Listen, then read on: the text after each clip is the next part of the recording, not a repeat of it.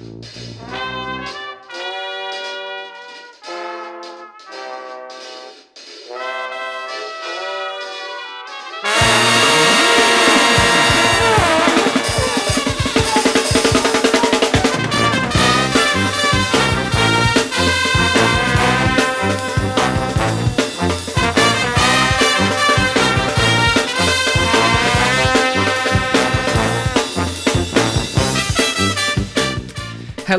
chroeso i degfed benod ar ugain. Dyna penod 30 i ti a fi o Ysbeidiau Heilo gyda fi, Lee Jones. A fi, Llwyd Owen, lle byddwn ni'n rhoi sylw i'r pethau bach sy'n neud uh, gwahaniaeth mawr i ni yn y cyfnod hollol honco hwn. Nawr, ni yn bodlediad anibynnol, so mae hwnna'n golygu bod ni yn really, really dibynnu ar ein gwrandawyr i lledeini ein neges. So gwedwch wrth eich ffrindiau, dilynwch nhw ar Twitter, aildrydarwch, hoffwch, pethau bach yna sy'n neud gwahaniaeth mawr yna. Yn ili? Yeah, yeah, yeah, yeah. Just a piece of piss, really. Standard, average, boring stuff. Um, so mae ma pob penod yn ni'n gwneud yn benod arbennig llwyd, uh, ond mae teimlo fel rhyw fath o carreg filltir wrth gyrraedd um, penod 30. Felly pwy yw'r gwestai sydd yn uh, cael yr anrhydedd o siarad shit gyda ni heddi? Wel, yn ymuno gyda ni uh, heddiw, mae unigolyn hynod, hynod brysur sydd gyda'i bysedd mewn nifer o bastau fel petai. Mae'n uh, berchenog busnes, mae'n ddylan wadwr, mae'n olygydd, blogiwr, flogiwr, gohebydd, ymgyrchydd gwleidyddol, llefarydd, agniant, marchoges ar o bryn, ac un treian o'r podlediad gwych Mel Mal Jal, sydd bron yn wythnosol. O oh, ie, yeah, wir. Mae'n rhyfeddol bod i wedi dod o hyd i'r amser i dreulio awr yn ein cwmni ni. So croeso mawr i'r pod i'r un a'r unig Melanie Owen. Helo, diolch am hwnna'n amazing i glywed. Dwi'n fod, dwi'n gwybod beth mae'n geiriau mae'n meddwl. mae'n ddiddorol ddo, right? Achos ni jyst... Dych chi jyst yn neud y pethau yma, right? Ti byth yn eistedd lawr Melanie, yni ac yn neud, yn neud rest o'r pethau ti'n neud, wyt ti? Yn yr un ffordd dda, ti'n mo, hmm. dys neb yn neud hynny. O'n i bai bod chi actually goffod ysgrifennu CV i dreul am job fel mae Lee i neud yn diweddar. Just trio cadw, just trio cynnal perthynas gyda'n nghariad i. O na, dwi'n gwneud hwn hefyd, a dwi'n gwneud hwn, a hwn. Na, dwi'n ddiddorol, na, honest.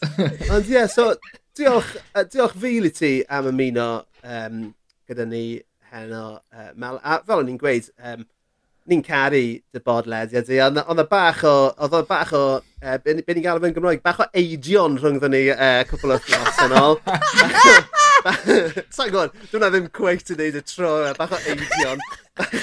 bach o. Ond beth, oedd hwn...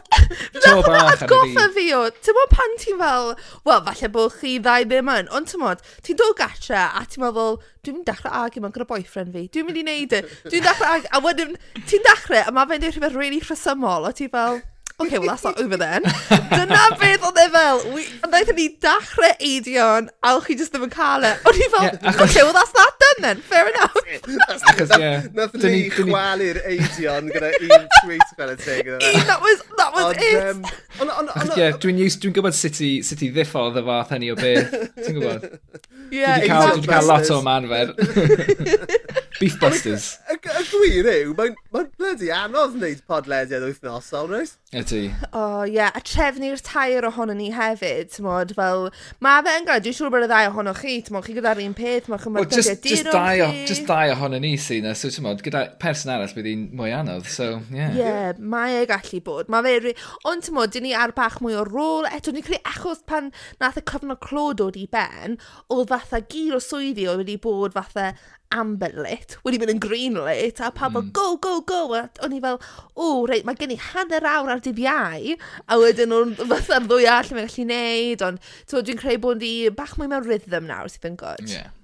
Os mae'ch yeah. bodlediadau chi'n, uh, uh, mae'r penodau i gyd yn yn reit, reit hir, so fi'n cymryd bod chi yn recordio nhw mewn, just, mewn bloc, right? As in, mewn un go.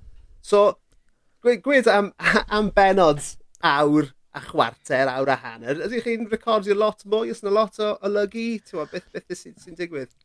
O, felly, wel, fi sy'n golygu fe, um, ac ar y dechrau, o'n i'n eitha gofalus gyda sut o'n i'n olygu fe, o'n i eisiau fe dod ar mm. draws yn eitha teidi, ti'n gwybod meddwl, a, a, ond erbyn hyn, dwi jyst yn cymryd allan os dyn ni siarad dros ein gilydd falle, neu rhywbeth fel mm. lan. Mm. heb am hynny, be dyn ni recordio i beth mae bobl yn gwrando iddo. Um, ond na rhywun dwi'n byw gyda, actually gofyn i fi, faint mor hir mae'n cymryd chi i olygu fe, a wedi mae'n hollol dibynnu faint mor cyffroes ydyn ni ar y diwrnod i ni recordio. Achos ar diwrnodau lle mae egni ni fatha trwy'r to, mae fe'n nightmare, achos dyn ni gyd eisiau siarad. Ond ar diwrnodau pan ni gyd bach mwy, ti'n bod, ca bach mwy distaw, mae fe'n lot haws. Yeah. Mm. Ond na, briliant. A tymo, fel, fel, fel, fel, fel ni wedi gweud ar y podlediad yma cwpl o thnos yn ôl, mo, ni wedi argymell bod pawb yn mynd i, i rando ar y ar eich podlediad chi, mae fe'n ma fe super, mae fe'n ddoniol tu hwnt, a oh, ni wedi rando ar cwpl o benodau heddi fel mae'n dewi, so fi'n fi, fi teimlo fod fi'n anabod ti'n eitha da, achos wnaethoch chi, chi wedi gwneud rhywbeth gwych nôl yn tua penod 4, 5 neu 6 rhywbeth fel yna, Uh, eh, lle wnaethoch chi literally just gofyn cwestiynau eitha probring eich gilydd A ma' hwnna'n, ma' hwnna'n, ma' hwnna'n lysh achos yn, yn aml reit, os i ti, fel ti Mal a um, chi yn uh, wynebau cyhoeddus, um, ti'n t'mod, ti, ti, ti'n wyneb cyfarwydd i bobl sy'n gwylio uh, Pnawn Da, er enghraifft, a, a, a, ag sy'n dilyn ti ar, ar y dyflogs a dyflogs. Mae Malin Actoris, mae ma, ma, Jal, Jalinda yn, um, uh, yn, um, uh, yn actores hefyd, ie? Yeah? Yeah, so, yeah yn aml mae pobl yn meddwl bod nhw'n anabod chi, ond dyn nhw ddim o gwbl, reit? So mae yeah, ma cael cyfle, exactly. mae cael cyfle wedyn i, i, i, i, i just ateb cwestiynau i fod yn agored. O'n, i'n meddwl bod y penodau yna yn ffantastig a fi'n meddwl dylse fi a ali ddwy'n y cysyniad yn llwyr. Ie, ie. Neu dod ar rhywun mewn i gofyn y cwestiynau probing mm. hefyd. Achos, ti'n modd, achos mae'r tair ohonyn ni, nath ni cymryd e mewn troion, ti'n modd, fel tro cynta, tro Jalisa oedd e i gofyn y cwestiynau. Wedyn, tro diwethaf ni'n neud e tro fi, so wnaeth man i neud e mewn tua 5 neu 6 penod arall. So mae fe cymryd, a dyn ni ddim yn paratoi ein gynnydd chwaith, dyn ni ddim yn gwybod beth sy'n dod lan. Mm, yeah. So mae rhaid i ni just bod yn onest, achos does dim amser dyn ni'n meddwl am unrhyw beth arall arall. So, falle dylsech chi dod â gwestai arno i gofyn y cwestiynau. Ie, yeah, na, mae hwnna'n syniad da. Gallai jyst uh, ymddiheirio i, i, i Jolisa am gael ei enw hi'n anghywir. Er, fi wedi, fi wedi gweld o'r loads o'n chi, a fi dal i cael ei enw hi'n anghywir. So, ie, yeah, jyst uh, ymddiheiriadau am hynny. Fi ni'n ffain, fi ni'n ffain. Fi ddim yn gwrando, a bydd ddim yn gwrando ar y benod. O, bydd fi definitely yn gwrando ar y benod yma. Ie, fi'n bendant ar un yma anyway. am hynny. Mo moving um, swiftly on. Moving swiftly on. uh, so, um, Mel, yeah. beth yw dy hoff gaws di? Reit, heb hyn o'n gorfod meddwl am amdano fe. Halloumi. Halloumi, dwi'n hoffi fe sut bynnag mae fe'n dod. Dwi'n hoffi fe heb coginio, dwi'n hoffi fe ar y grill, ar y George Foreman, neu dwi'n hoffi fe wedi ffrio mewn bach o coconut oil. Dim ots dy fi, na just cymryd i gyd nes i gael, nes i gael life hack gyda halloumi, um, achos o'n i, o'n i jyst yn torri halloumi fyny i roi ar barbecue, um, a jyst yn, ti'n bod, gwneud darna bach, ond nath rhywun oedd yn barbecue yn fy nhi, nath nhw jyst dweud, pam dyd ti ddim jyst yn rhoi'r bloc cyfan ar y barbecue, yeah, yeah. a wedyn, pan ti'n gorffen coginio hwnna, ti jyst yn torri uh, ar ôl i ti goginio'r holl beth. A na, wedyn sleisio fe. Ie. Hwna pretty much yr unig beth fi heb wneud gyda halloumi. Sa'i ti'n gofod llwyr, dwi'n really ddim yn. We won't go there. Um, yeah, I mean, fi yn um, cytuno gyda ti cant gan. Fi'n meddwl bod fi hyd yn oed wedi gweud ar y podledyn yma yn y gorffennol taw. Ti'n meddwl, fy halloumi yw, yw fy hoff gaws i achos, achos bod e mor hyblyg a ti'n mo, chi'n gallu... Yn lythrenol. Chi'n gallu cael e gyda fry-up i, i, i frecwast, chi'n gallu cael e uh, gyda fel pasta i ginio, a chi'n gallu cael e mo, ar y grill neu mewn curry, uh, dwi'n caru oh, roi e mewn mm. curry. Um, so ie, yeah, mae ma halloumi, it's right up there, mae fe'n anhygol. A i feddwl, I mean, ti'n ti lot ifancach na fi, um, so falle bod halloumi wedi bod rownd um, yn dy fywyd ti. Ti di tyfu fyny gyda halloumi. I fi, do, a halloumi ar ran Nes i hala, like, 35 mlwyddyn o, o, o, o mywyd i heb halloumi. Dim ond oh yn y ddeg mlynedd diwetha, mae halloumi wedi bod yn thing, right? Mm. Mae hwnna'n fatha personal tragedy, dwi'n meddwl. Ti'n meddwl wedi gorfod treulio gymryd o dy fywyd yeah. heb rhywbeth sy'n ei ti mor hapus. Yeah. Oh, Mae'n ma, ma, ma sicr yn wir. I mean, mae ma, ma fe'n Mae fe, ma fe yn gaws anhygol o flasus. A fi'n fi syni, Lee, bod ti wedi defnyddio... I don't know os ti'n gwybod Mel, ond dyw Lee ddim yn hoffi caws. Dyna pam no. ni'n gofyn y cwestiwn. No, ni so, yn gwybod, ie. Yeah. So, Lee, pam... Sio yn y byd y ti wedi bod yn defnyddio hylwy? Ti wedi bwyta fe? Fi di, fi di chef. Yeah. Fi, fi, Dwi'n coginio i bawb. Ond ti ddim, ddim bwyta'r hylwy? Na. Nes ti ddim meddwl... Dwi'n... Dwi'n... I'm, I'm I'm a crap shag, but a genial host. Um, Balance. Balance. Yeah. So, ie, yeah, di pobl yn dod me. Ie, yeah, di pobl yn dod me. Dwi'n coginio, a dwi'n coginio stuff dwi ddim yn hoffi, oherwydd dwi eisiau just plesio pobl. O, dwi just eisiau pobl hoffi fi. Dwi'n desperate. Ond ie, yeah, so, so yeah, dwi wastad yn coginio pethau neis. Mod i ddim yn bwyta. Ond, ie. Uh, yeah. So, ie, yeah, dwi wedi oh, coginio wow. gyda halloumi droion. Wel, chwarae teg i ti. Ie. Os na rhywbeth arall ti just ddim yn hoffi? Fel, dim ond achos... Yo, pob dim. Really? Ie, yeah, dwi fel... Dwi fel really? O, oh, dwi'n bwyta fel, dwi'n tair mlynedd oes, just... Ie, yeah, pob dim yn plain. Fe fel, fe Lee yn cael fel party oh, plant oh, bob amser cynio. Ie. Yeah. Oh, no. Sausages bach. Cherry tomatoes. A, Cherry like tomatoes, ych fi. Yr ice strings bach yna, biscuits yna. Na gyd mae'n bwysig. Oh yeah, party rings. yeah. Oh no. Achos dwi'n meddwl amdano, dwi'n gofyn i hwn, bobl hwn, tipyn. Ti'n meddwl, dweud bod ti'n mynd i ti rhywun, a maen nhw'n neud bwyd i ti, a ti fel, o, oh, maen ti'n meddwl, hyn o ti'n mynd hoffi fe, i bod yn polite, neu di just tria fwy fe anyway. Oedd na rhywbeth fel fysa chdi, just ddim yn hyn o'n gallu, ti'n fel, sorry, I just can't do it. Na, mae'n rhaid. Mae rhaid, ni cael, ma rhaid i fi cael heads up cyn mynd i di rhywun. Mae rhaid, no. ma rhaid i fi o be maen nhw'n gwneud. A ti'n bod, cwestiwn, achos mae pobl yn nabod fi, ti'n ffrindiau, mae fel, would Lee eat that? Ag, uh, yeah. Like fish fingers. Does, does he like fish fingers and chips? Because we yeah. can do that off the kids' oh, menu. o, dwi fatha'r... Dwi'n opposite. Dwi bod rhywun... Dwi'n gas gen i crank. Dwi jyst ddim yn gallu bwyta mm. crank. Dwi'n really hoffi lobster, dwi'n really hoffi fatha bwyd y môr, ond dwi jyst ddim yn gallu bwyta crank. Ond dweud hynny, bod, dwi mor ofyn o bod yn rwyd i bobl yn tuno. Dweud bod rhywun yn rhoi fatha rat, fatha llygoden fawr ar plat fi. Fyswn ni fel, Mm. o, o, dwi beth i canu'n ro flan. O, lovely. Fos ni wir yn trial, achos gyda dagrym yn yn fy llygyd, fos ni'n trial, achos dwi jyst mor ofan o bod yn rwyd. Wyt ti'n, um, I mean, eto, ti'n ffarmwr, so ti, ti ddim yn llysrieiwr na dim byd fel yna, wyt ti? Os na unrhyw beth bys ti ddim yn bwyta? O, na, i fod yn dig. Beth am, no. beth am, a ni'n gwybod, fi'n gwybod bod ti yn, uh, wel fi wedi gweud e yn yr intro ti ne, yn, yn farchog o fri a ti'n caru dy gathylau. Nawr, yn, yn Ffrainc ac mewn gwledydd arall, maen nhw'n bwyta ceffylau. Wyt ti wedi? Dwi'n gwybod. Wel, nes i byw yn Ffrainc am blwyddyn, chi'n yeah. weld.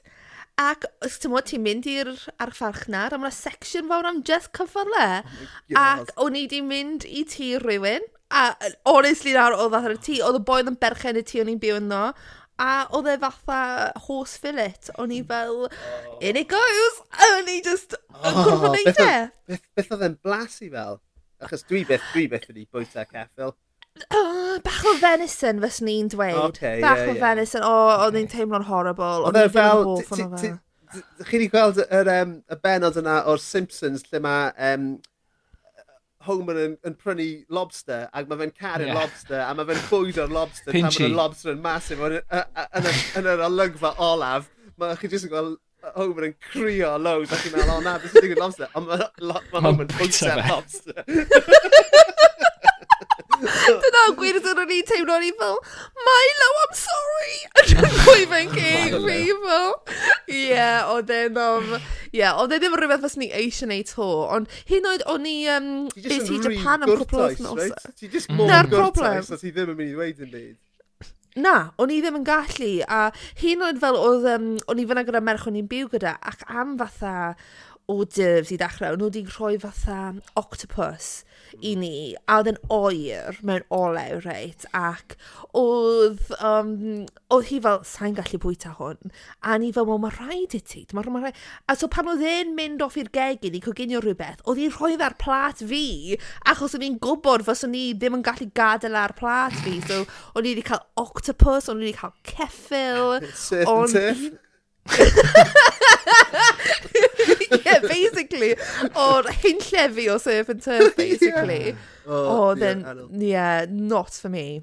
Yeah, ma hwnna'n... I mean, dwi, dwi, dwi, dwi ddim yn bwyta cig fel eidion, ceffil, oen, um, cywiad. Dwi'n dwi, bwyta pysgod, ond, yeah. ma, a, a dwi ddim yn, yn, yn, yn o, o, ran, like, like, dwi ddim yn ffysio gwbl ar wahân i'r ffaith dwi ddim yn bwyta cig. Ond dwi'n dwi, dwi, dwi cysau octopus a squid. Mae ma, ma, ma fe jyst, mae yna jyst rhywbeth, jyst mor, sa'n gwybod beth yw e, mae ma fe mor arallfydol, mae ma, ma fe'n edrych mor wrong ar y plat. A fi'n gweud yna fel rhywun sy'n digon hapus bwyta like, sea bass llawn ar ei plat. Fi'n gwybod bod y sea bass yn edrych allan o le hefyd ar y plat. Ond octopus. A ni'n gwybod hefyd bod octopus mor glyfar, reit? A yn yeah. yr un ffordd, ni'n gwybod bod, mm. bod moch yn rili really glyfar, ac effylau hmm. mm. yn rili really glyfar. So mae yeah. ma, ma, ma hwnna, i fi, mae hwnna'n broblem fawr rhyw ffordd. Na fel, fel, fel, fel bod fi'n cyfiawnhau fy, fy arferion bwyta i rhyw ffordd. Ond ie, yeah, yeah. ffylau uh, octopus, that's where I draw the line. Uh, Mel, sa'n gwybod amdano ti? Ti'n gwneud IQ tests ar gyfer pob dim ti'n bwyta. Fi yn rhoi IQ test i bopeth, hyd yn oed yr halloumi. Ie, fes yna rai bobl fysa ti'n digon ffain i bwyta, fos. Ti'n gosol iawn.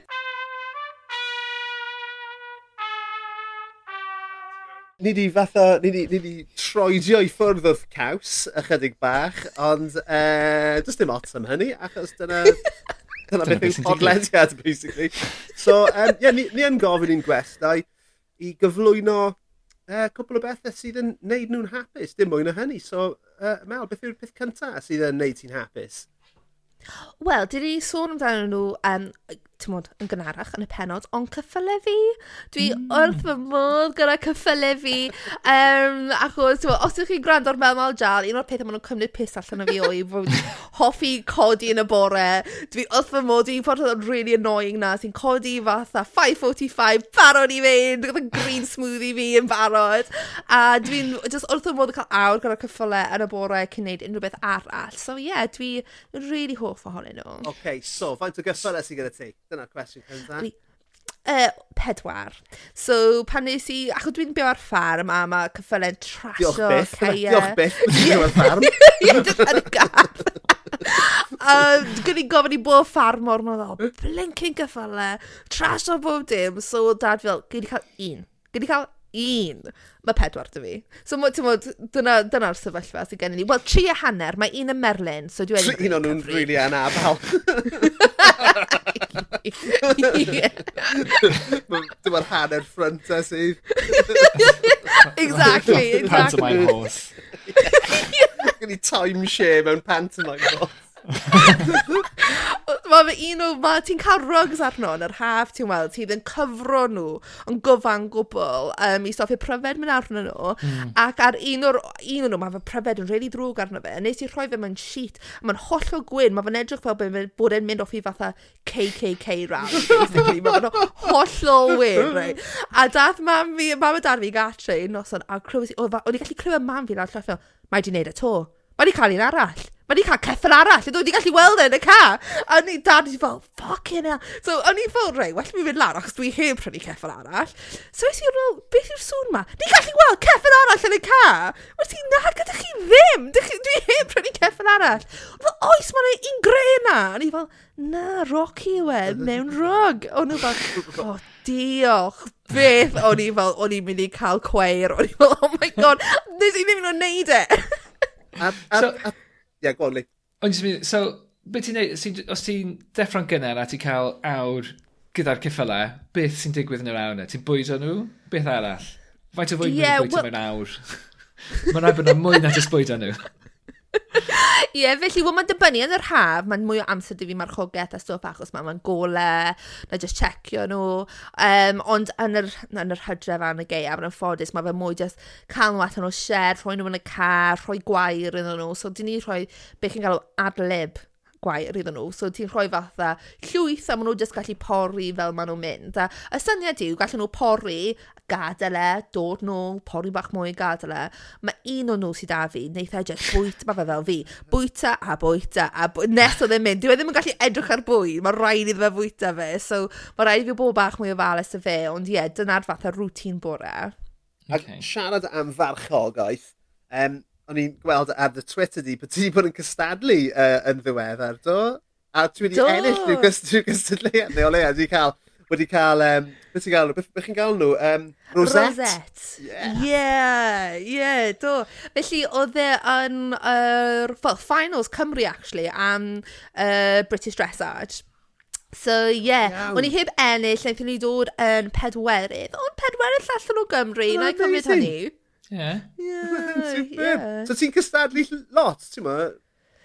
Ydw, dwi yn, dwi yn trial wneud. Wrth gwrs, dros y timod, y blwyddyn neu deunaw fus diwethaf, mae'n bod yn galed, ond nes i magu, um, so felly mae caseg gyda mam fi, a nes i magu um, ebol oddi wrtho hi, a syniad oedd gwerthu fe pan oedd e'n blwydd oed. Mae fe nawr yn saith, a mae fe dal 'ma. um, ond fe nes i kind of hyfforddi fe, a mae fe... Dwi wrth fy modd gyda fe, mae fe'n fabulous, ond mae fe gyda fatha separation anxiety jyst yn swnio'n eitha odd dwi'n gwybod am yn fel, ond mae fe'n rhywun really kind of... Cana ar y foment. Ie, jyst gweiddi allan amdana i. Mae fe, ti'n bod, dwi bod i'n mynd i cystadleuaeth neu rhywbeth, a mae fe'n cael ei gadael ar ben ei hun, mae fe'n gwneud y sŵn mwyaf effernol, erioed mae fe'n swnio fatha deinosor yw'r unig ffordd dwi'n gallu disgrifio fe. So pan dwi'n troi lan i fatha'r cystadlaethau mowr mae fel yr un fatha genedlaethol, mae pawb yn edrych yn really posh. A dwi fyna, tyma, pan ti'n troi lan gyda cob Cymraeg i dressage, mae yna bach o judgment, mae bobl yn beirniadu'n bach, mae'n fel, oh, cob Cymraeg.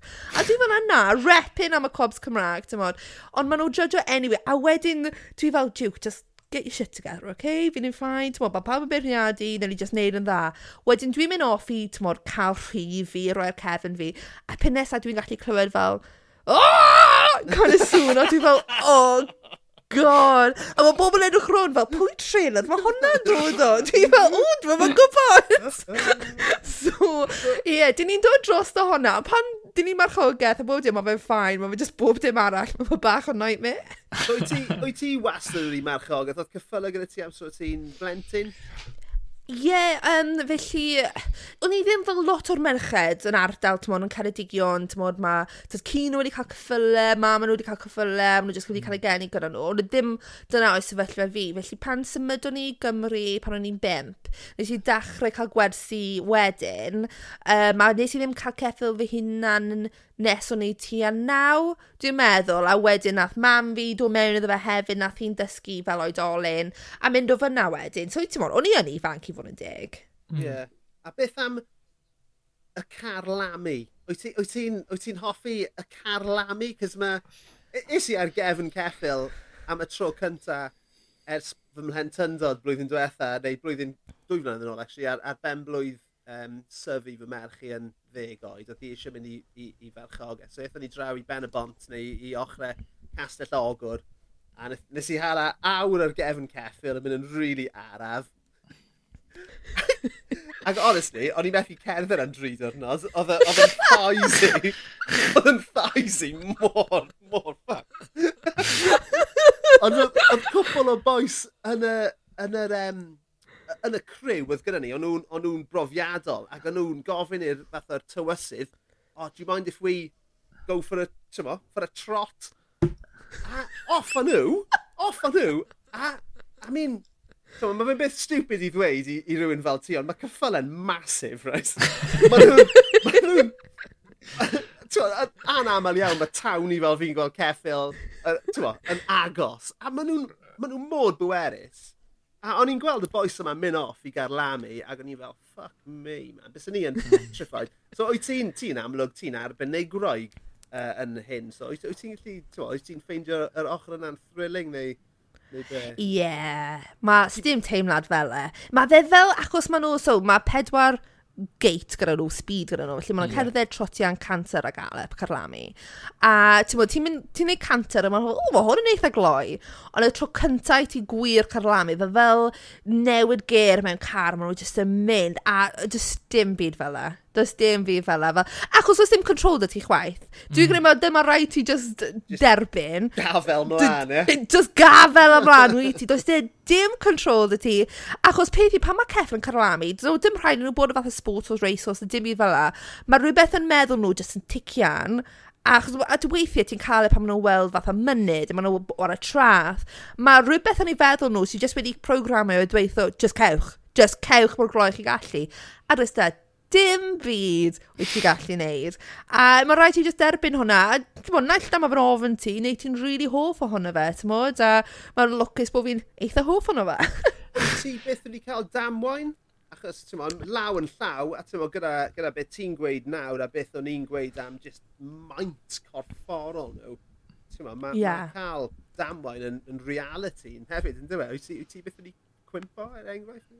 Ie, ges i damwain eitha difrifol um, 2019. Ie, yeah, 2019 felly oedd i ar Duke i'r ceffel nes i hyfforddi a o'n i newydd hyfforddi fe, o'n i newydd ystod arno fe tro cyntaf y flwyddyn yna ac o'n i mewn gwers grŵp a timod, mae fe'n eitha cyffroes bod mewn gyda llwyth o ceffylau eraill, a edrych nôl, dwi'n credu falle oedd person oedd yn dysgu ddim yn gyfrifol, an, gyfrifol iawn, achos wedys i, timod, dwi'n credu bod e wedi gwneud digon am heddi, oedd fi, just cario ymlaen yn bach, cario ymlaen yn bach, so ni'n fel, okay, a mm. wedyn gefis i'r damwain, a basically, oedd na, mae at i mewn, ond oedd yna ffens pren, ac yn lwcus i fi, ddoth y ffens pren, ddoth y broke my fall, nes i cwmpa arno i'r ffens yn lle'r llawr, oh, a nath helmet fi splitio um, a o'n i just yn winded. nes i torri rib um, a nes i...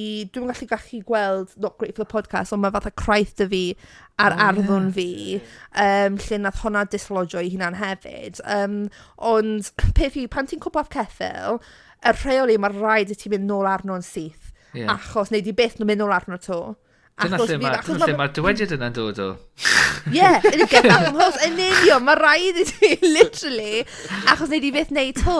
Yeah. Um, so es i nôl arno yn syth, a ti'n mwyn, dwi'n credu sioc, o'n i'n mynd rili teimlo'r poen, a wedyn, oedd e ddim nes i gyrru gatre, a mae, ti'n mwyn, mae drwm gyrru'r car pan mae'r trailer ar y cefn dy ti, a rib fi, mae'n, mm. o, o, mae hwnna'n brifo. So, o mam fi fel, ewn i a i'r ysbyty, a wedi si, ti'n mwyn, be, na i just cysgu gweld sut dwi'n teimlo'n bore, ond y pen fi'n curo, curo, curo. So, yn y bore, eithon ni i A&E, a wedodd y doctor, sa bod dim fluid i dod allan o clistio ti, ti'n fine. So, ni fel, oh, that's all good.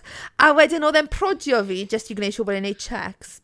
Nath e prodio cefn gwddwg fi, a oedd just man bach sensitif, a is i, a dde fel, Oh my gosh, a peth nesaf, o'n i fflat ar gwely o tap rown pen fi, o'n strapio fi lawr fatha Hannibal Lecter, o'n i lawr, a dyna fi am 8 awr nes i fi cael sgan ar fy ngwddwg i wneud siŵr bod e heb torri. Um, a ni, oedd ddim yn o'n brifo, ti'n meddwl, ond as it is, oedd na hairline ffracture no, peth yn gwddwg fi na just jyst i hunan. Yeah. Ond o'n nhw mor panicky achos os na unrhyw beth gyda'r gwddwg, gwedon nhw, yeah, yeah, yeah. dweud bod nhw'n gadlu fi cerdded allan gyda hyn a'i ffracture, fi'n cwmpo am arw, dyna mm. bai nhw, I suppose, yn fe? Yeah. Mm. Oh. Yeah, god. Ti'n gwybod beth, um, I mean, mae'n ma ma, ma rili really ddol, mae hwnna'n stori effernol. Mae hefyd yn dangos pwysigrwydd gwisgo helmet hefyd, yn dwi? Oh, bendant, um, A mae hwnna'n hollol wir os ti ar mm. gefn ceffel neu ar gefn beic, reit? Achos, ti'n fel mm. ti'n gweud, mae fe'n, ti'n ar bod e falle ddim yn teimlo fel lot, mae fe'n gallu neud y gwahaniaeth rhwng torri eich helmet chi neu torri eich penglog chi. Mm. So, o, oh, yn union, ie. Yeah. Wisgwch eich helmet, Wisgwch plant off. o, ti'n bod gyfrifol, Llwyd. Wel, ti'n bod beth, dwi'n treabod, dwi'n treabod. A hefyd, beth, beth fi wedi wneud heno, achos nes i ragweld bod Mel yn mynd i ddewis ceffylau fel un o'i hoff bethau. So dwi'n dwi wedi paratoi quiz ceffylau o, do fe! I've gone, I've, gone, I've gone the extra mile, Heno. Uh, uh Parasite quiz, ceffylau. Difrifol ti hwnt. Dyw e ddim. O, fab! A fe'n... Um, Fantastic. A fe'n eitha silly, fel ma. Fel... Fel, uh, fel ti. Fel pop. Fel fi, diolch yn fawr ni. A gei di, gei di ymuno yn y, yn y, yn y gystadleuaeth hefyd os ti eisiau yn y quiz bach. A yn amlwg, ti'n mynd i wneud jingle ar gyfer hwn, ydy ti? Lea, drop of y mewn fan hyn, naw. Oh.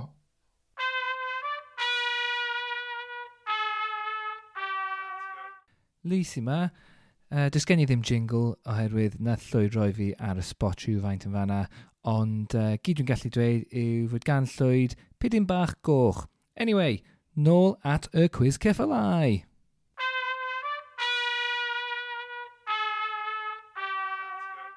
Yeah, there we are. There we. Edit yeah, points. Right, then. Oedd hwnna'n lyflu. Really good jingle. OK. Pwys ymlaen. Ti'n barod, ti'n barod, Mel? Ydw, dwi'n baros. Ti'n ti arbenigwr nawr. This, is, this, is, this could oh. make or break the slot i ar Kevin Gwlad un. That's a bit close to the mark, actually. Don't risk my career. You're right. I'm, I'm, on, I'm on the pulse, man. I'm on the pulse. Reit e. Eh. Okay. So Mae'r ma, ma cwestiwn cyntaf yn gwestiwn gwir neu gai. Um, gwir neu gai. So, Dyw cyffylau ddim yn gallu byrpio na piwcio. Gwir neu gau? Gwir. Ti yn iawn, ti yn iawn. Dyn nhw ddim yn gallu yn... byrpio na piwcio. Mae na, no. ma na, ma na rhywbeth wedi digwydd yw, uh, i, i, i, yn fewnol yw uh, gyddfa nhw sydd jyst yn, yn meddwl bod dim gwynt na, na unrhyw fwyd yn gallu dod nôl lan. Wel, beth sy'n digwydd os dyn nhw'n yfed gormod? Be, ar nos Sadwrn, like. Yeah. Gyda Kev, yn arfod. Just mynd lawr, just mynd lawr i'r uh, lawr i'r garage a abuser merched. Mae'n horrible. Mae cyffel yna, gallu bod yn assholes, man. Mae nhw yn. O, mae nhw yn. Dyna pam nhw'n bwyta nhw yn Ffranc. so ie, yeah, so, da iawn. Un allan o un, gwych iawn. So, gwir neu gai eto. Mae pob bryd ceffil cyfoes dros 600 ohonyn nhw yn ôl arolwg geneteg o 2017. So mae pob ceffil, pob bryd ceffil cyfoes yn ddisgynyddion o ddau fryd ceffil hynafol. Ydy hwnna'n wir neu'n gau? O, mae hon... Mm, dwi... Gwir. Ti'n ti dda. Mae'n dda, Lee. Oh. Mae'n dda. Kevin, Kevin Glad. Come on. Come on! Mae hwnna'n hollol wir. So mae ma pob ceffil yn y byd a, yeah. yn ddisgynyddion o geffylau unai Arabian neu Turcoman. Mm. O'n i'n mynd i dweud Arabian, dyna, oh. dyna beth nath troi, a ceffil cyntaf fi'n Arabian hefyd. Maen nhw'n bert yn dyn nhw. Ydyn, ond maen nhw yn assholes, ddo. Maen nhw'n blas. Ond i, ie, os, os ti ddim yn gwybod bod cyffel yn gallu fod yn bert, just googlwch Arabian. O, ie. OK, so eto, yeah. gwir neu gau, cwestiwn rhif 3. Um, Roedd y ceffil talaf erioed yn mesur dros dwy fetr o daldra. Gwir neu gau? Mae hwnna'n masif. Gwir. Gwir. Gwir. Oedd yn, yn 1846, nath ceffyl o'n nhw Samson gael ei fesur ac oedd e'n 2.2 metr o daldra a top i ben. Mae hwnna yn huge. A Mae hwnna Pwynt bonus os, os ych chi'n gallu dyfalu, faint, faint, faint ti'n meddwl oedd e'n pwyso mewn, I don't know, kilograms? Oh, gos. Wel, mae'r gws... Sa'n gwybod, dwi'n gwneud bod y ceffil average i yn kind of hanner tynnell. Yeah. So, tri chwarter tynnell? Bydd bynnag yw hwnna'n kilograms? Yeah, well, mil, mil kilogram yn tynnell, yn diwy. E, okay, well, mil pimp cant kilogram oedd y ceffyl yna'n pwyso. So, so maint, maint tri ceffil? Nuts. Tri, oh So, yeah, ti'n ti hamro mynd. Tri allan o tri, mae Kevin Glad dal yn bosibilrwydd ar hyn o bryd. Un so, y pedwar, gwir neu gau eto. So, bu farw'r ceffil henna yn hanes y byd yn 62 oed. Gwir neu gau? O, gwir, dwi'n mynd i dweud gwir. Ie, yeah, na, ti'n ti rili really dda, ti yn dda. So, ie, yeah, y ceffil henna erioed, on record. Um, oedd, wel, enw fe yn y diwedd oedd Old Bill Ond, obviously, Bill oedd e tablet i a 30. Ie. Ie, wel, am 30 blwyddyn arall, dwi'n e just old Bill. So, pwynt bonus arall uh, in the offing fan hyn. Um, beth yw fath o average lifespan ceffil, ti'n gwybod? Ie, tua 30. Tua 30. Os maen nhw'n cael bywyd dda, tua 30. Yeah, Race horses, not so much. 25 a 30 mlynedd. So ti'n yeah. actually palu mlaen. Mae ma, ma, ma, ma, ma Dai Jones llan i lawr nawr yn, yn estyn am ei ffoil o facts so, oce, okay, mae nhw'n cwestiwn, mae nhw'n mul multiple choice. Pryd oh, okay. gafodd ceffylau ei dofi gyntaf gan y ddynol rhyw? So, oedd yna 3,000, 6,000 neu 11,000 o flynyddoedd yn ôl. Dwi'n mynd i mynd y gynhara, y gynhara, 3,000, 3,000. Lee, beth ti'n meddwl? 3, 6 neu 11,000 o flynyddoedd yn ôl? Dwi'n meddwl 11,000. Na, na, reit lawr y canol, boys. 6,000 o flynyddoedd yn ôl, apparently. Mm. Apparently, ag eto, ie, ie. Hmm, yeah, yeah. Ag yn y, yn y Russian Steps. Dyna lle o'n nhw wedi gael. Hmm. So. Yeah. So, Nes i'n meddwl pam, ti'n modd, pam, pwy oedd yna'n gyntaf yn meddwl dyna be dwi'n mynd i'n... Achos fel ti'n dweud, maen nhw'n arsols rhan mwyaf o'r amser, wedi pan nhw'n well. So pwy oedd yn edrych yn honna, fel dwi'n mynd i ystod ar y cefn honna, pam. Fes ni'n dychmygu, ac yn amlwg, dyw pobl ddim yn dod at y podledydd yma i gael eu ffeithiau hanesyddol.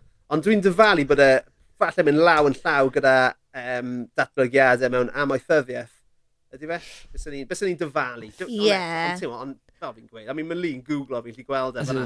Er dyna Google Face e, eich Google Face e. fi'n gweld e, gweld yna mor, a fi'n gweld yna yn fy mreiddwydion nawr.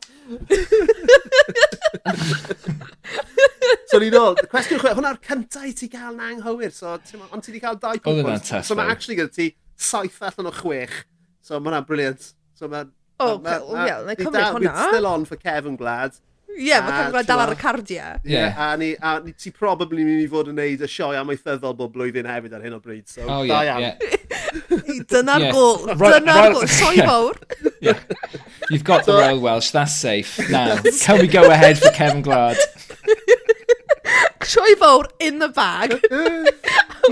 so, oh, gosh mae gwir neu gai, mae ceffylau yn gallu cysgu ar eu troed. So, yn sefyll fyny. Hynny. Gwir. Oh, yeah, gwir. Hyd yn oed, hyd yn oed dwi'n gwybod hwnna. Yeah. Come on. no, O'n i byth yn ei meddwl am y peth. Falle bod y gwrando am yr ddim, ti byth yn gwybod, mae fe'n reit ffynnu. Mae dy rhaid i yn, ie?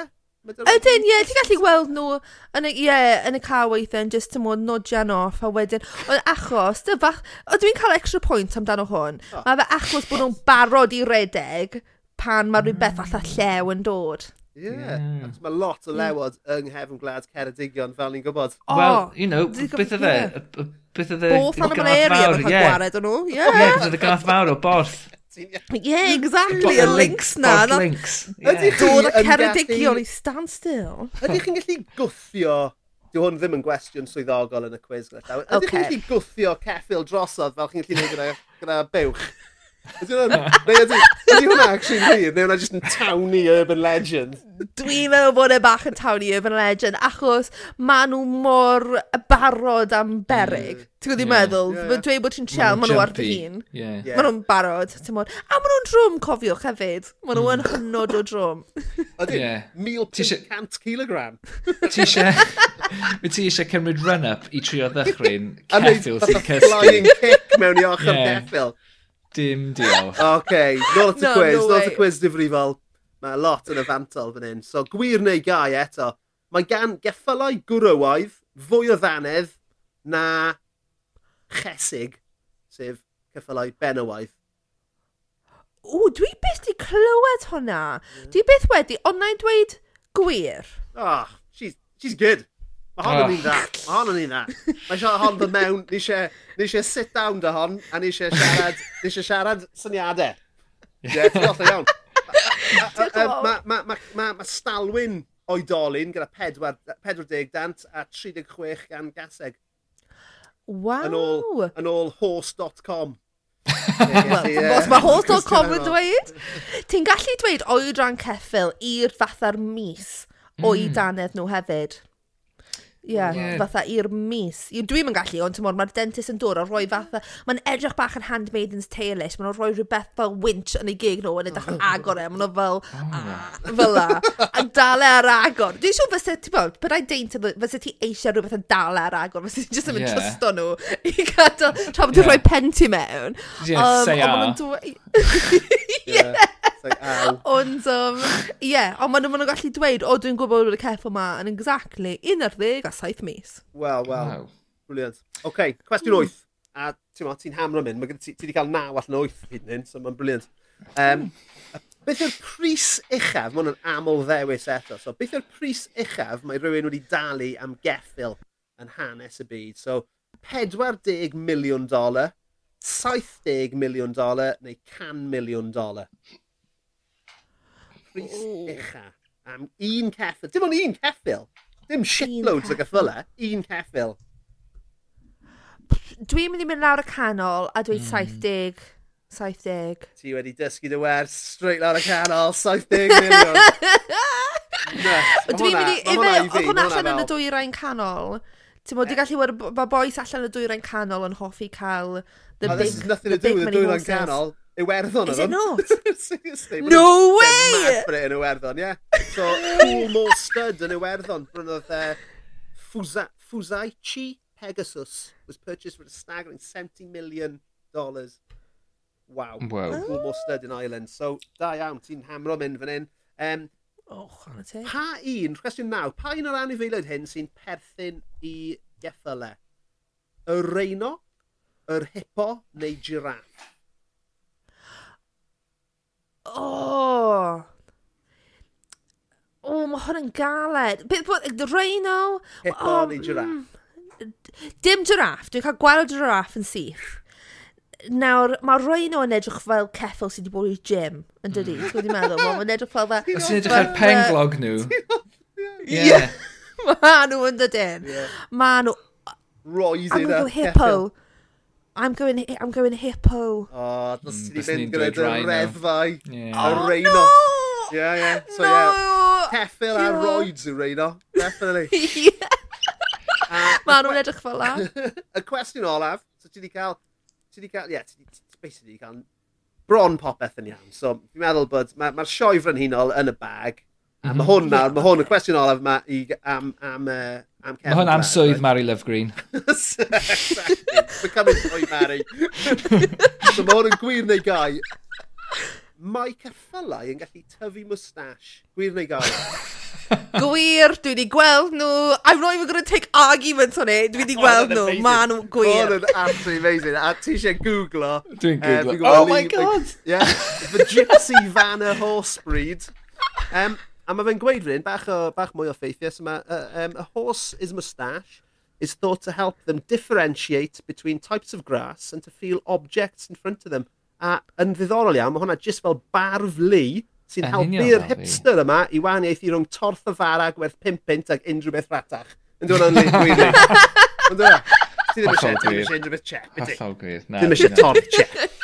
So ie, yeah, um, llongyfarchiadau, uh, Mel. Fi'n meddwl bod ni'n deg i ddweud bod ti yn arbenigroig yn y maes mm. ceffylau. So, oh, llongyfarchiadau, bydd, bydd S4C yn cysylltu gyda ti cyn bo hir. Yeah. O, oh, diolch yn fawr. A in advance, mae'n ma drwg gen i Mari, but you know, also I love her more, ti'n gwneud meddwl? Your time is up, love green. Your time is up. Uh, classic, eh? oi, wna, da, ni'n lyco na, falle byddwn ni'n gwneud quiz, quiz bob wythnos ni. Ie, e? falle, falle dylen ni paratoi am bob penod, dyna beth ti'n dweud. Bach o strwyth. Ie, mae'n ansawdd yn codi yn diwe. Oes, bod yn ridiculous.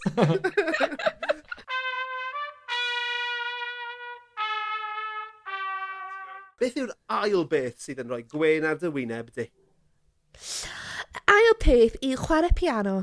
Dwi wrth fy hmm. modd yn chwarae piano, ie, yeah, a dwi jyst ddim yn gwneud digon ohono fe rhagor, Um, achos dwi o hyd wedi byw gyda bobl, neu pan dwi gartre, timod, dwi eisiau bach... Os dwi'n dechrau chwarae piano gartre, dwi'n cael fath o requests yn dechrau. dwi'n meddwl, na, na, na, dwi wedi dechrau chwarae er mwyn mwynhau hwn fy hunan. Mae dad fi fel, o, oh, chwarae Bohemian Rhapsody. A dwi'n meddwl, dad, mae'n 8 munud o hyd. Dwi'n eisiau bach o heddwch. So ie, yeah, chwarae piano, dwi wrth fy modd gyda fe. Um, a dwi'n meddwl fatha, um, llogi un o'r fatha sefylloedd mae gan nhw yn yr coleg fan hyn. Mae nhw'n gwneud mm. fatha, just grand piano yn stafell. A just mynd lawr am awr o'r wythnos a just cael bach o awr i fi hunan, hmm. ti'n modd? Mae'n mm. mor jealous bod ti'n gallu hyd yn oed ystyried yn neud y fath. Ie. Mae hwnna just yn, mae fel, fel carw'r cerddoriaeth, dwi, does dim, does dim asgwrn cerddorol, cerddorol oh. yn fy corffi. A mae hwnna, ma, hwnna yn, yn hyfryd i glywed. So gwer, gwerthon ni, ti'n ma, cwestiwn eitha debyg i'r cyffylau, ond pryd, ti'n ma, pryd nes ti ddechrau chwarae y piano? Um, so, wel, nes i dechrau chwarae yn inverted commas, ond oedd um, hen piano gyda Cia 9 fi a ni wrth fyna yn defnyddio fel dore i mi a ac yn y blaen, ti'n mwyn yn chwarae be o'n i'n gallu. A wedyn dechrau i cael gwersi pan o'n i'n 8 neu 9 fys ni'n dweud. Um, mae es i o fyna, so mae gen i gradd 7 fi. Mae hi wedi bod bach yn annoying bod ddim gradd 8 fi dy fi. On, a peth i... Na, dyw e ddim, ond mae ma gymaint o... Ti'n Timod, gymaint o waith. Dwi'n credu fysa fe hmm. jyst bron yn amhosib wneud nawr. Falle na i cael fatha midlife crisis a wedyn wneud e, timod, yn jyst rhoi'r gorau i gwaith a wneud e'n flwyddyn. Um, ond ie, yeah, na dwi just wrth fy modd gyda fe. Dwi wedi bod yn wneud yma e, jyst teimlo mor naturiol i fi nawr. Mm. Well, dyn ni'n dod nôl at, at hwn eitha lot, dwi'n meddwl, yn y podlediad yma, Llwyd, lle mae yna... Ni ddim yn ail adrodd yn hunain, gobeithio. Na, na, na, ond, ond, ond o ran rhyw fath o thema a, a tywod, y pethau sy'n gwneud pobl yn hapus yw pethau sydd yn helpu bobl i um, fatha synfyfyrio a cymryd eu hunain allan o'i feddwl nhw. Ac um, ti'n teimlo hynny pan ti'n chwarae piano te? O, bendant. Ie, bendant. Achos mae rhaid i fi bod allan o meddwl fy hunan, achos timod, os dwi'n meddwl gormod, dwi'n shit. Timod, dyna, dyna fe rili. Mae rhaid i fi... A... Anyway, mae yna rai cneuon, dwi'n gwybod just muscle memory. Yeah, yeah, yeah. A pe bai fi'n actually meddwl reit, sut ydw i'n chwarae hwn, mm. fyswn i'n, fyswn i'n mesio fel an. Mae rhaid fi literally just anwybyddu fi hunan bron, mm. a dechrau chwarae, a mae bysau fi'n gwybod beth mae'n fod yn wneud. Um, ond hefyd dwi'n hoffi cymryd rhywbeth dwi beth i chwarae o'r blaen, a just, just gwir canolbwyntio arno fe, a wneud y to, wneud y to, wneud y to nes i fi gael yn iawn. A dwi'n gallu gwario oriau, yn gwneud hynny, timod, dwi. Dwi, ti'n timod, fel dwi gallu bod, o oh, gosh, mae'n dwy o'r gloch y bore. Ti'n be, na i just neud e unwaith to, wedyn mae fe'n pedwar o gloch y bore, a wedyn mm. ti'n fel, ydw i'n really angen y job yma fori. Eh. mm, ydw i'n angen neud wneud e unwaith to? Timod, mae fe, ma fe fel lai iddo fi, a dwi just wrth fy modd gyda fe, a dwi'n teimlo fel bod fi heb wneud y digon yn y mm. blwyddyn mm. diwetha. O'i, so, sorry, sorry, o'i ti wedi, ti'n chwarae mewn bands, neu wedi perfformio, yn unigol neu beth dros y blynyddoedd gan ddefnyddio'r sgil hynod yma sydd gyda ti? Um, o'n i'n, ti'n bod, yn gwneud steddfod ac yn y blaen. Um, o'n i'n perfformio yn yr ysgol, yn gwneud e. Um, nes i un um, sesiwn yn Celtic Manor fatha yr, um, oh, yeah. ti'n bod, jyst yn chwarae yn y lobby yeah, yeah. Hmm. stuff. Nes i un o'n nhw... Fi wedi gweld y, y, y, grand piano just yeah. yn y canol, really, wrth y llefydd bwyta, yn does? So. Yn union, ie, ti'n gwybod yr un.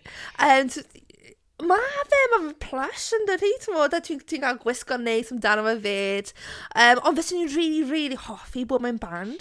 Ti'n fod, fatha, ti'n fod, chwarae'r keyboard i band, fes ni wrth fy modd yn neud e. Ti'n fod, ti'n mynd weithiau i fatha clwb, neu ti'n mynd i brewhouse, neu rhywbeth fel la. A ti'n fel, o, oh, fes ni'n hoffi neud hwnna. So, falle na i dechrau ymestyn allan a dweud, ti'n fod, if, if you need somebody cool on the keys, you know who to call. Definitely. Wel, mae fe'n mae fe'n rhywbeth, I mean, mae ma fe, ma fe'n plant i uh, yn 11 ac yn 14 oed, a wnaethon ni, nath Elian yr un hen as 14 nawr, oedd hi'n cael gwersi pian amser i tia rhwng, rhwng, rhwng oedd hi'n 6 ag 8, a ti'n mo, ni nath sort of awgrymu bod hi'n cael ag, ag yn instigator hwnna, a nath hi stopio, nath hi, nath hi um, nath i athrawes i symud i ffwrdd. So nath hwnna ddod i ben. A, yn y cyfamser oedd syfu, nath syfu am sydd tua deg, oedd i eisiau dechrau. Gret. A wedyn ar ôl, ar ôl i syfu e, ddechrau chwarae am tua flwyddyn, nath Elian wedyn sy'n 13 ar y pryd fynd, dad, bys ni'n hoffi dysgu piano eto. A, a, a, a mae'n fel, oh yes, please, y ddwy o'n chi, go, cerwch i wneud e. Mae fe'n sgil ti'n mo, fel, mae fe fel, fel reid o beic, fel reid o ceffil, ti'n mo, unwaith chi'n gallu neud e, yeah chi'n gallu neud e, right? Uh, yeah. obviously, chi'n chi well os ych chi'n ymarfer yn amlwg, ond, I don't know, mae fe just yn, mae ma cerddoriaeth yn rhan mor anferth o, o fy mywyd i, a fel o'n i'n gweud, dwi ddim yn gerddorol o gwbl, ond dwi, dwi really yn gobeithio bydd fy mhlant i, y ddwy ohonyn nhw, yn, yn parhau gyda, gyda hynny. Um, yeah. fel, fel fi'n gallu gweld o, o, o dy weld i yn, yn, just yn siarad y peth, mae fe'n ma fe rhoi siwt bleser i rywun, right? Ac yn, ac yn helpu um, i fyfyrio, mae fe'n helpu gyda'ch lles chi, eich llesiant, eich, eich iechyd meddwl chi. Mae fe'n ffordd o fyfyrio ar, ar fywyd ac, ac i anghofio bywyd os ych chi eisiau. A mae hwnna, yeah. so, ma hwnna'n rhywbeth gwerthfawr iawn i gael yn eich arf di, yn dweud, dyddiau yma. Ie, yeah. a dwi'n credu bod ni gyd gorfod cofio weithio mae yna mwy bywyd na gwaith a talu mm, bills. Mm, baby, yeah. Tymod, achos, tymod, dwi'n rhywun, dwi'n oh, dwi wrth y modd gyda gwaith fi, dwi'n fatha, dwi wrth y modd gyda'r hustle, dwi yn deff y bore, meddwl, reit, sut dwi'n mynd i gwneud arian, a dwi'n mynd apologise am hynny, tymod, dwi yn. Ond mae rhaid i pawb cofio weithio mae yna mwy i fywyd na gweithio, timod. Mae rhaid i mm. pawb gael un peth. Hyd os mae fe'n cerdded yn gwrando i podcast, ti'n meddwl? Fel fe, fe bynnag yw y ti'n gwneud sydd yn cymryd i allan o'r byd yma. Achos mm. di, di, gyd di confinsio ein hunain bod ystyr bywyd i'w gwneud arian a wedyn marw. Ti'n modd, mm. mae rhaid i ni cymryd ein ein hunain allan o hynny. Um, a dwi'n credu allu, dyma, gyda'r piano, mae fe'n unig rhyw yn... Achos fel offeryn, does dim rhaid i chi bod yn dda iawn i fe swnio'n dda. A, a wedyn, ti'n mwyn, mae fe'n anoch i gario ymlaen a gario ymlaen. Um, o'n i... So, ti'n mwyn, o'n i eisiau gwneud y, y piano achos wedys si oedd un gyda tacia nain fi a o'n nhw fel, wrth y modd. A wedyn pan o'n i ysgol, o'n nhw fel, o, oh, mae gen i rhywun sy'n dod mewn a dysgu'r violin pan na'n neud i hynny. O'n i fel, o, oh, cool, ie, yeah, dwi dda piano, o'n i tra violin o'n i'n mor shit. o'n i'n mor completely shit. I'r pwynt lle, ti'n mwyn dweud oedd mam a dar fi gael bob ar rôn am swffer, o'n nhw fel, after dinner entertainment nhw, oedd fi'n chwarae'r violin, achos o'n i'n mor drwg. oh, oh, the, no, okay. yeah. Oh, the on. It was such character building. A ti'n gallu gweld o. Os oedd e'n gwestai o ddim wedi cael lot o wyn, o'n trio bod yn polite, o'n fel, oh, chwarae teg, oh, ti'n really trio fyna. Os o'n nhw wedi cael cwp o mwy o boteli, o, o ti'n gallu gweld y sgwyd ddim yn lan a lawr. A ni just fyna'n edrych yn mam fi fatha, I hate you chwarae sgritio wrtho fi fe'n, oh, o'n i mor ddrwg. A diwrnod wedes i, dwi'n mynd i rhoi'r golau violin, o mam a dad fi fel, diolch beth, diolch, diolch. This is not your calling, baby, this is not it. oh, yeah, amazing. I mean, ti yn gweld rhoi prodigies, um, oh. fi wedi eistedd trwy nifer o gyngherddau ysgol um, y fy mhlant i. A mae fe'n rhyfeddol oedd rhai o gyfoedion syfu, sydd, fel ni'n gweud, dim ond 11 yw i nawr, oedd cwpl o, o blant yr un oedran hi, so amser nhw naw neu deg oed yn chwarae y clarinet neu'r piano, neu, neu, neu, neu like, like, classical guitar solos. Just fel, holy fuck, mae'n rhaid yn naw oed. Shit, the beads. Maen nhw'n gwrdd â hyn yn naw oed. Dwi'n ddim yn gwneud unrhyw synwyr. O gwybod, anhygoel, I love it. Mae un, ma un o ffrindiau yeah. sybys eto, sy'n 11, mae hi, ma hi eisiau sydd wedi gwneud i gradd 8 yn piano. What? Yeah. Be? Ac ond fi'n lli cofio bachgen yn, yn, yn, yn, yr ysgol gyda fi, um, Dr Geraint Dingley erbyn hyn, shout out i, i Tigros, mae fe'n uh, yn, yn, yn, yn gwrando, I dawt bod e, mae'n proli'n byw yn, yn rhywle arall erbyn hyn, ond uh, oedd e yn nath ei gradd wyth cyn bod e'n gadael ysgol gynradd hefyd. Mae'n mental. Amazing. Achos, yeah. os Ond just os... pobl, pobl, ti'n I don't know. I don't know, oedd e, e'n super clever a just yn gallu, ti'n gwneud popeth yn amlwg. Ond so, un, uh, un o'r pethau, os di, os di rhywun yn dweud, o oh, ie, yeah, dwi'n gradd wyth yn rhyw offeryn, ti'n bod, peth facetious dwi'n dweud i trio dod yn nhw lawr peg yw, yeah, but, you know, never been kissed. Ond the thing yw, os ti'n gradd wyth pan ti'n un ar ddeg, mae fel, Wel, jo, be arall maen nhw'n gwneud? Mae fe'n... Mae Unwaith chi'n cyrraedd gradd wyth, though, right? Mae gyda ti hwnna yn y locker wedyn, right? A, yeah. a ti'n gallu mynd a ti'n gallu dysgu pobl arall, right? So amser ti'n 18 neu hyd yn oed cyn hynny, ti'n actually gallu dechrau charge o pobl am y skill, right? Yeah. So, yeah. oedd graig fy mrawd i, tan, wel, mae'n mae brif athrawes nawr, so dwi ddim yn neud y mwyach, ond tan, tan ti a deg mlynedd yn ôl, oedd hi'n neud gwersi preifat tu allan i'r ysgol. A oedd hi e, wedi bod yn neud hynna ers bod hi'n 16 oed. A ti'n ma, let's face it, Oedd hi ddim yn talu treth ar hynna, oedd hi? Ti'n meddwl? A mae fe'n nice little earner, oes? Mae fe 'di bod yn handi fi os fi erioed wedi bod bach yn sgint i just rhoi adfod ar Facebook pwy sy isie gwerthu piano mm. a mae fe just yn, fel ti'n dweud, ti'n mwyn talu treth arno fo, ti'n mae cash in hand timod a mae fe'n just rhywbeth bach handi gwybod bod ti'n gallu cwmpo nôl arno os ti mm. angen extra 20, 40 quid yr wythnos basically. Mm. Yeah, absolutely. Handy. So yeah, mae'n ma yeah. werth amser. Os, os na bydd Kevin Glad, na, neu'r sioe fan un o'n dod, ti wastad yn gallu e, uh, cwmpa nôl yeah. ar, ar hynny. Yeah. Yn union, like, dysgu piano, nes i nhw newid meddyliau nhw. It's always good to know, yeah. But, uh, yeah, brilliant, brilliant. Um, Melanie Owen, Mel, gallwn ni rap o fel lan fyna, a ti di bod yn, yn westau absolutely amazing.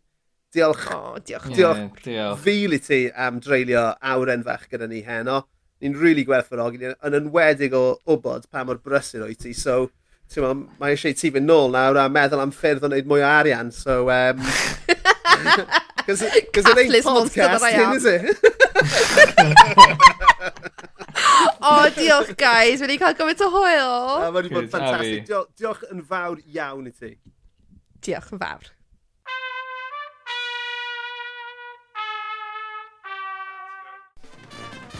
Wel, dyna ni am benod arall ac am benod oedd hi. uh, diolch yn fawr iawn i Melanie Owen am fod yn westau mor rhagorol Absolutely, nes i'n really joio hwnna a tyma nath i uh, meddwl fi'n siwyn nawr am Kevin Blad, heb os. Ei, so, um, siwyn, mae hwnna'n hwnna dod o rasio cyfle, so... Rasio cyfle, da iawn, yeah. da iawn wir. Um, yeah, so just i adnof, I mean, sy'n neb yn gwrando erbyn hyn, anyway, ond just os oes rhaid ofyn bod rhywun ar dal yn gwrando. Celigrafi.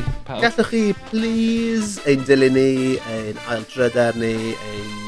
Uh, rhannu unrhyw beth i ni'n postio. Uh, mae jyst gwedwch chi ffrindiau amdano ni, ddyn ni'n gwerthfawrogi yeah. hynny yn fawr. Dwedwch wrthyn nhw pa mor hyfryd yw ein rhechiadau ni. Um, rhechiadau cegol. Mm. Iawn. Dyna ni, dyna ddigon. Tro nesaf.